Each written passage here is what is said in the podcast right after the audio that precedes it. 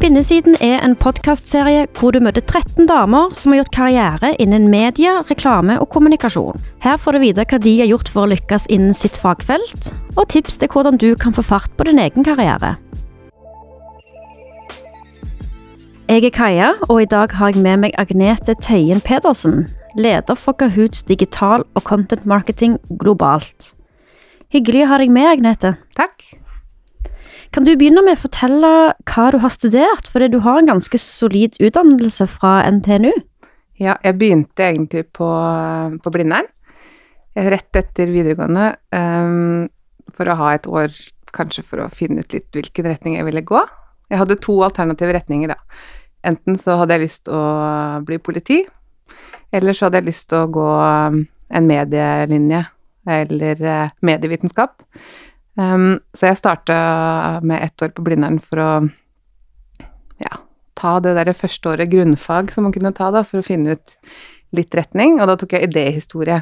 Uh, og når jeg var ferdig med det, så um, søkte jeg meg til NTNU, fordi han som i dag er mannen min, han uh, begynte å jobbe på Ørlandet, uh, og det ligger da i Trondheimsfjorden. Så jeg søkte meg inn på NTNU og kom inn på medievitenskap bachelor. Så det var de tre åra der, da. Da fikk jeg faktisk ta med meg det grunnfaget fra Blindern og tok to år med bachelor på NTNU, og så to år mastergrad på Nå husker jeg ikke helt hva faget het, eh, men det er medievitenskapelig retning, i hvert fall. Og da begynte du å jobbe? Ja, da begynte jeg å jobbe. Da fikk jeg faktisk først jobb på kundesenteret til NetCom, som i dag er Telia. Eh, og det var faktisk uh, utrolig interessant. Du får snakke med ca. 100 mennesker hver dag på telefon, og får da utrolig innsikt i kundene til det firmaet de jobber for. Akkurat hva de tenker på, hvilke spørsmål de har.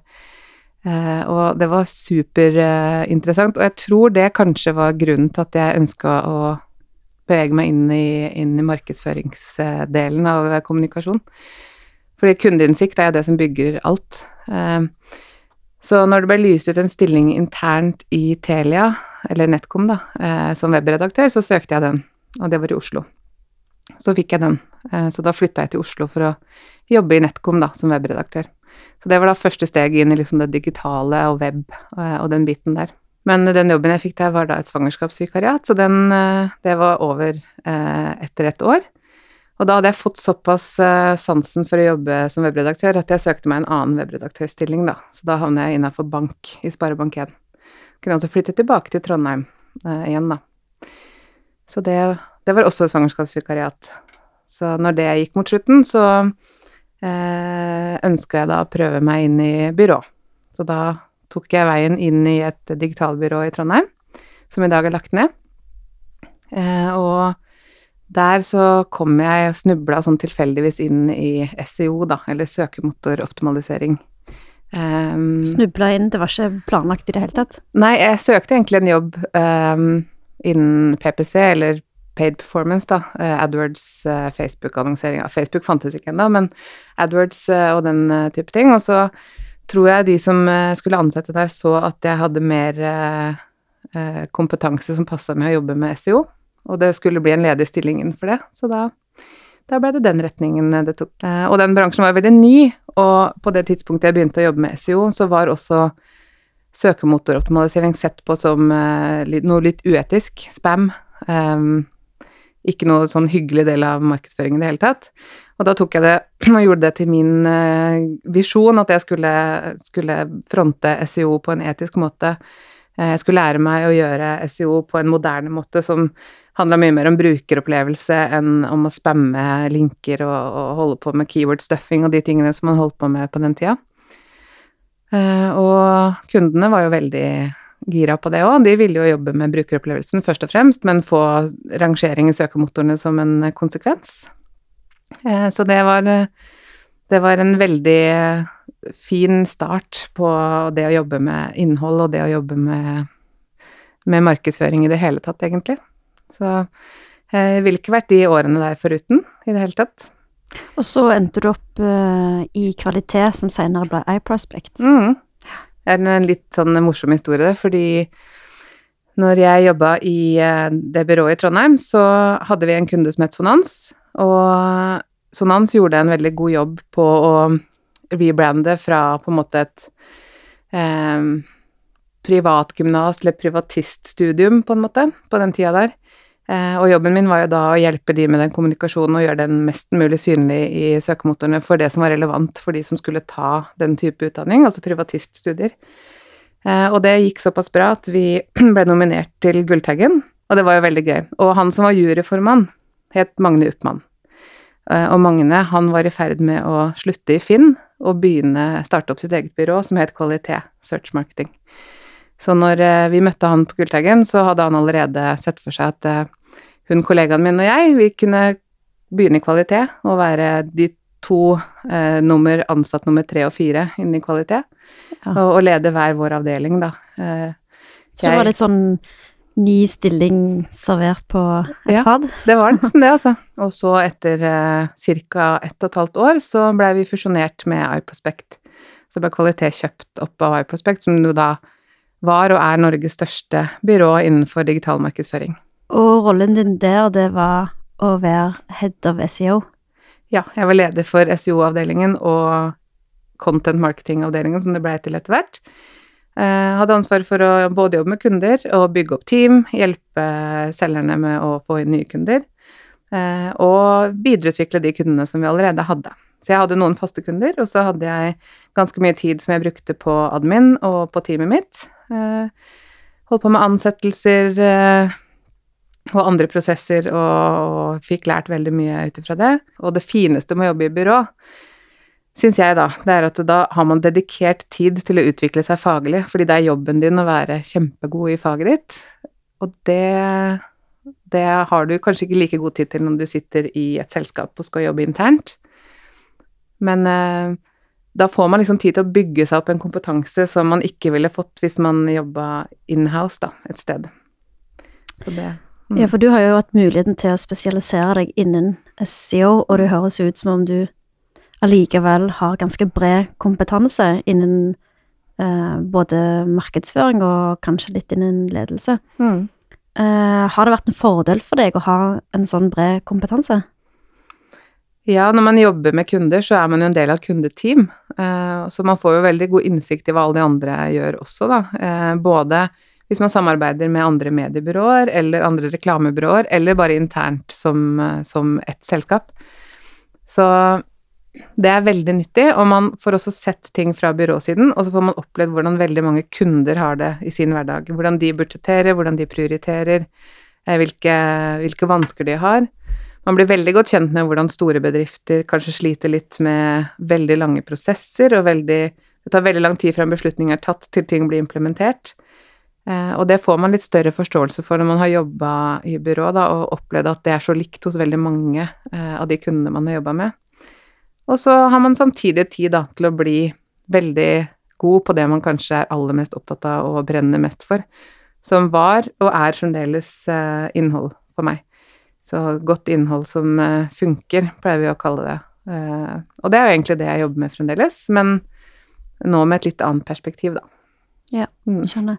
Så du hadde det som plommen i egget. Hvorfor bytta du eh, fra den jobben til å gå over til opera? Ja, det er litt vanskelig å forklare, egentlig. Jeg hadde det supert i iProspect, hadde ingen planer om å bytte jobb. Eh, men så hadde jeg opera som kunde, da. Og så var jo det en veldig spennende kunde. Altså, det er det eneste norske selskapet med 350 millioner månedlige brukere. Det er større enn de fleste veit om. Eh, og det har alltid vært en litt sånn derre Jeg har alltid hatt en liten drøm om å jobbe innenfor tech, eh, og opera tilbyr så mye annet også. Det lille ekstra som jeg begynte å se etter, som var Ja, det er en teknologi, og det er en, det er en browser, og det er en app. Eh, men det er så mye mer, fordi opera gjør også så veldig mye sånn HR-arbeid, da. Og det var egentlig det som fikk meg til å ville gå over til opera. At de gjorde så mye ekstra fordi de var såpass store. Ikke i Norge, men de er veldig store i blant annet Afrika, da. Så um, det fikk meg til å ha Jeg fikk veldig lyst til å jobbe der, og det var veldig fine folk, og et veldig sånn stort internasjonalt miljø. Masse folk fra mange forskjellige land.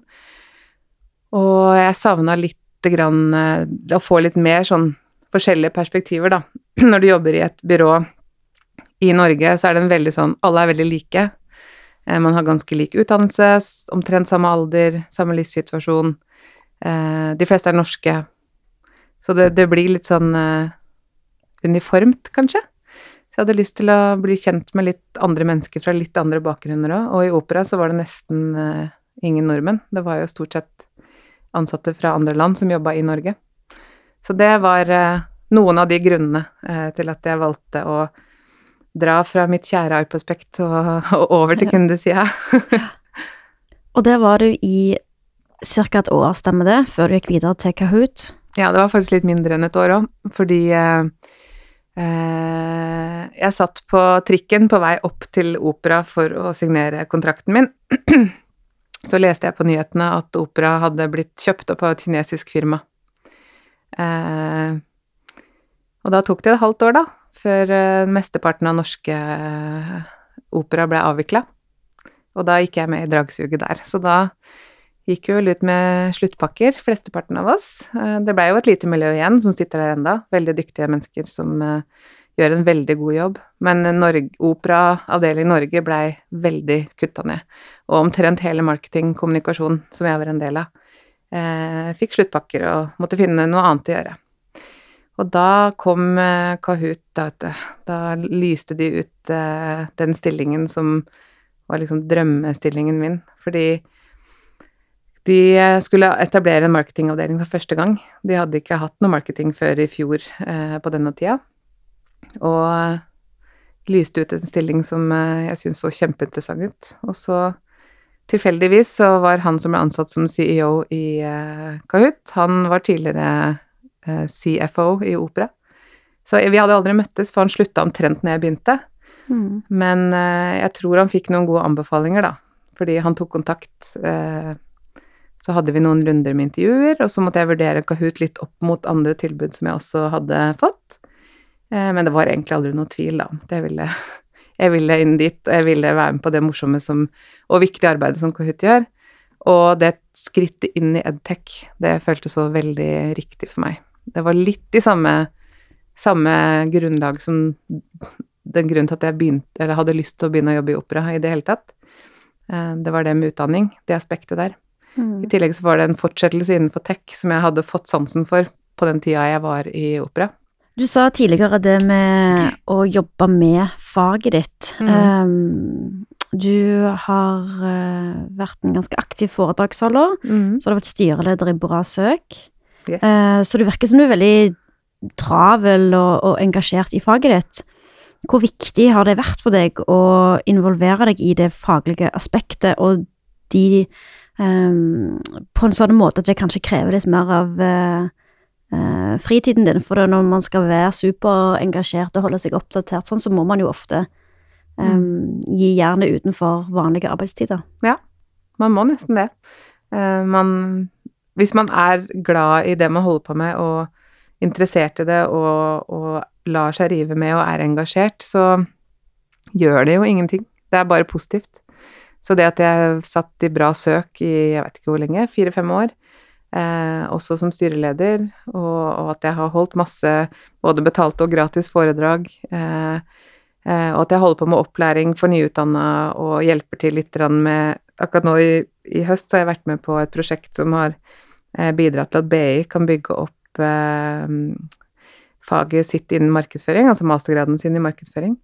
Jeg sitter i juryer og sånne ting også, og det er egentlig bare fordi jeg tror jeg er en ordentlig fagnerd, så jeg syns det er liksom Det er supergøy.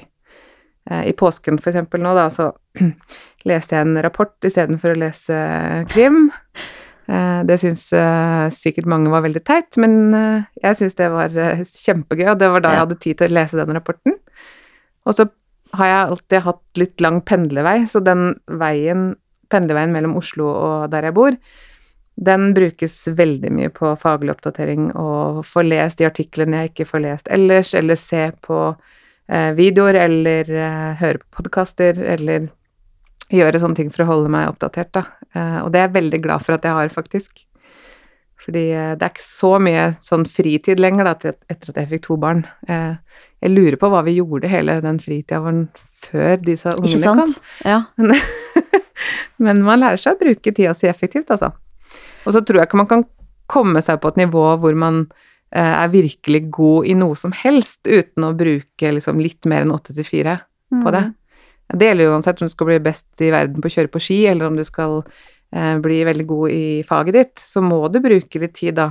Eh, og da må du finne deg noe som du liker å holde på med, fordi du må jo være interessert. Ja, det må jo være et ekte engasjement. Det Ja. er vanskelig å brenne for noe som du egentlig ikke bryr deg om, bare fordi du tenker at det kreves i jobben din. Ja. Jeg tror ikke man skal gjøre ting for å bygge CV, egentlig. Jeg tror man skal eh, man skal passe seg for det. Man skal gjøre ting man, eh, man eh, liker, og som man syns er interessant. Og så så kommer jo kommer resten av seg sjøl, tror jeg. Mm. Og så kan man jo bli engasjert i hva det måtte være, da. Hvis man bruker nok tid på det. Så jeg tror Ja. det henger litt sånn sammen også. Men jeg spurte barna mine for noen uker siden, fordi hun eldste hadde et prosjekt på skolen da hvor de snakka om familien sin og sånt. Så sa jeg hvordan er mamma, da?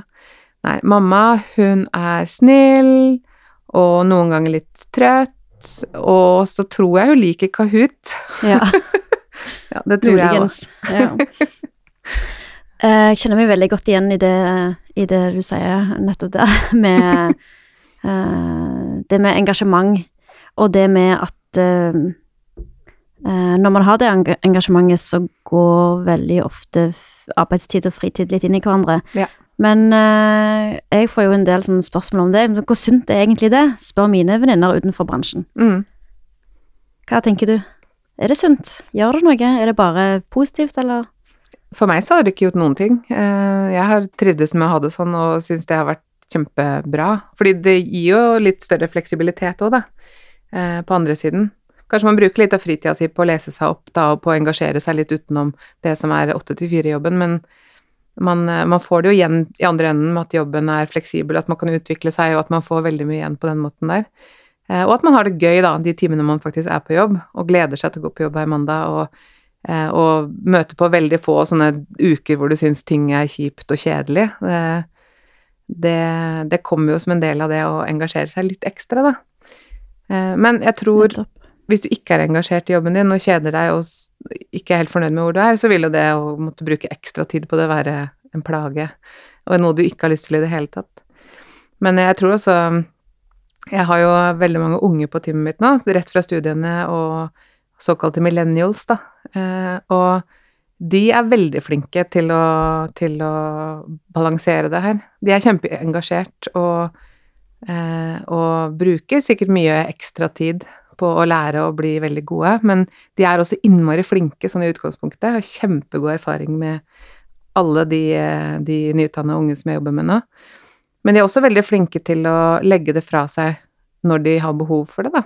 Og, og si ifra og være ærlige og eh, det at det sosiale livet og jobben sklir litt sammen når man er eh, engasjert, og når man er i en sånn her type jobb, det er nok uh, millennials kanskje flinkere til å takle enn uh, de som er litt eldre, fordi de er kanskje vant til å ha det sånn. Mye mer enn det, det andre har, da. Så det er noe vi kan lære av dem, absolutt. Så jeg tror noen unge kan slite litt med å finne balansen, uh, jobb og fritid. Men jeg tror generelt sett at de kanskje er flinkere enn oss andre til det, så lenge de, de har en god leder kanskje å støtte seg til, gode kollegaer, og finner den gleden i den jobben som de sitter og gjør, da. Jeg må bare um, spørre om noe. Det er at både startup og tech er jo notorisk for å ha få kvinner Mm. i seg. Er det, er det like mye mannsdominert som man tror, eller er det bare en litt sånn trist myte? Det er nok litt flere menn enn det er damer innenfor startup, og jeg veit ikke helt hvorfor. Eh, Men jeg tror det er i ferd med å snu. Eh, I Kahoot så nærmer vi oss i hvert fall 50-50 kjønnsfordeling nå. Um, og det har utviklet seg bare sånn siste året. At vi ser det er flere, flere jenter som vil inn i tech og inn i startup-bransjen, da. Eh, Men vi ser jo at de, de fleste startups har mannlige gründere. Eh, og jeg vet ikke helt hvorfor det er sånn. Men jeg tror også det kommer til å endre seg ganske kraftig etter hvert. Det er utrolig mange flinke jenter der ute som tør å ta den sjansen, og som har den gode ideen, og som har den, den mengden passion man trenger da, for å starte med noe sånt. Avslutningsvis så har jeg to kjappe spørsmål til deg. Hva er det beste med bransjen? Startup-bransjen er eh, veldig spennende. Den er utfordrende. Ingen dager er like. Eh, man har mulighet til å bygge opp noe som man kanskje ikke hadde fått samme mulighet til å bygge opp i en mer tradisjonell eh, bedrift. Og det kan potensielt bli eh, noe veldig stort. Så det er litt sånn den forventning om at man er med og bygger opp noe som virkelig kan bli noe, da. Som er eh, også en av de store fordelene ved å jobbe i en startup. Og hva er det verste?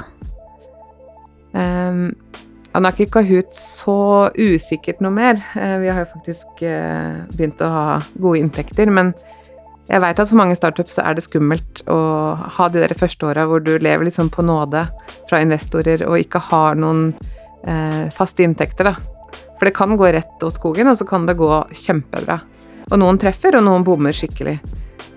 Men jeg tror egentlig ikke man skal være så redd for det uansett, fordi på et eller annet tidspunkt så Man lærer jo noe av enhver prosess, ikke sant. Så hvis man tar den sjansen og tør å, å joine en startup, så kan det jo potensielt gå så innmari bra. Så det Jeg skjønner at det er en bakdel av å ha den der usikkerheten, men jeg tror ikke man skal være så veldig redd for det likevel. Agnete, det har vært eh, skikkelig hyggelig å ha deg med. Tusen takk. Takk for meg.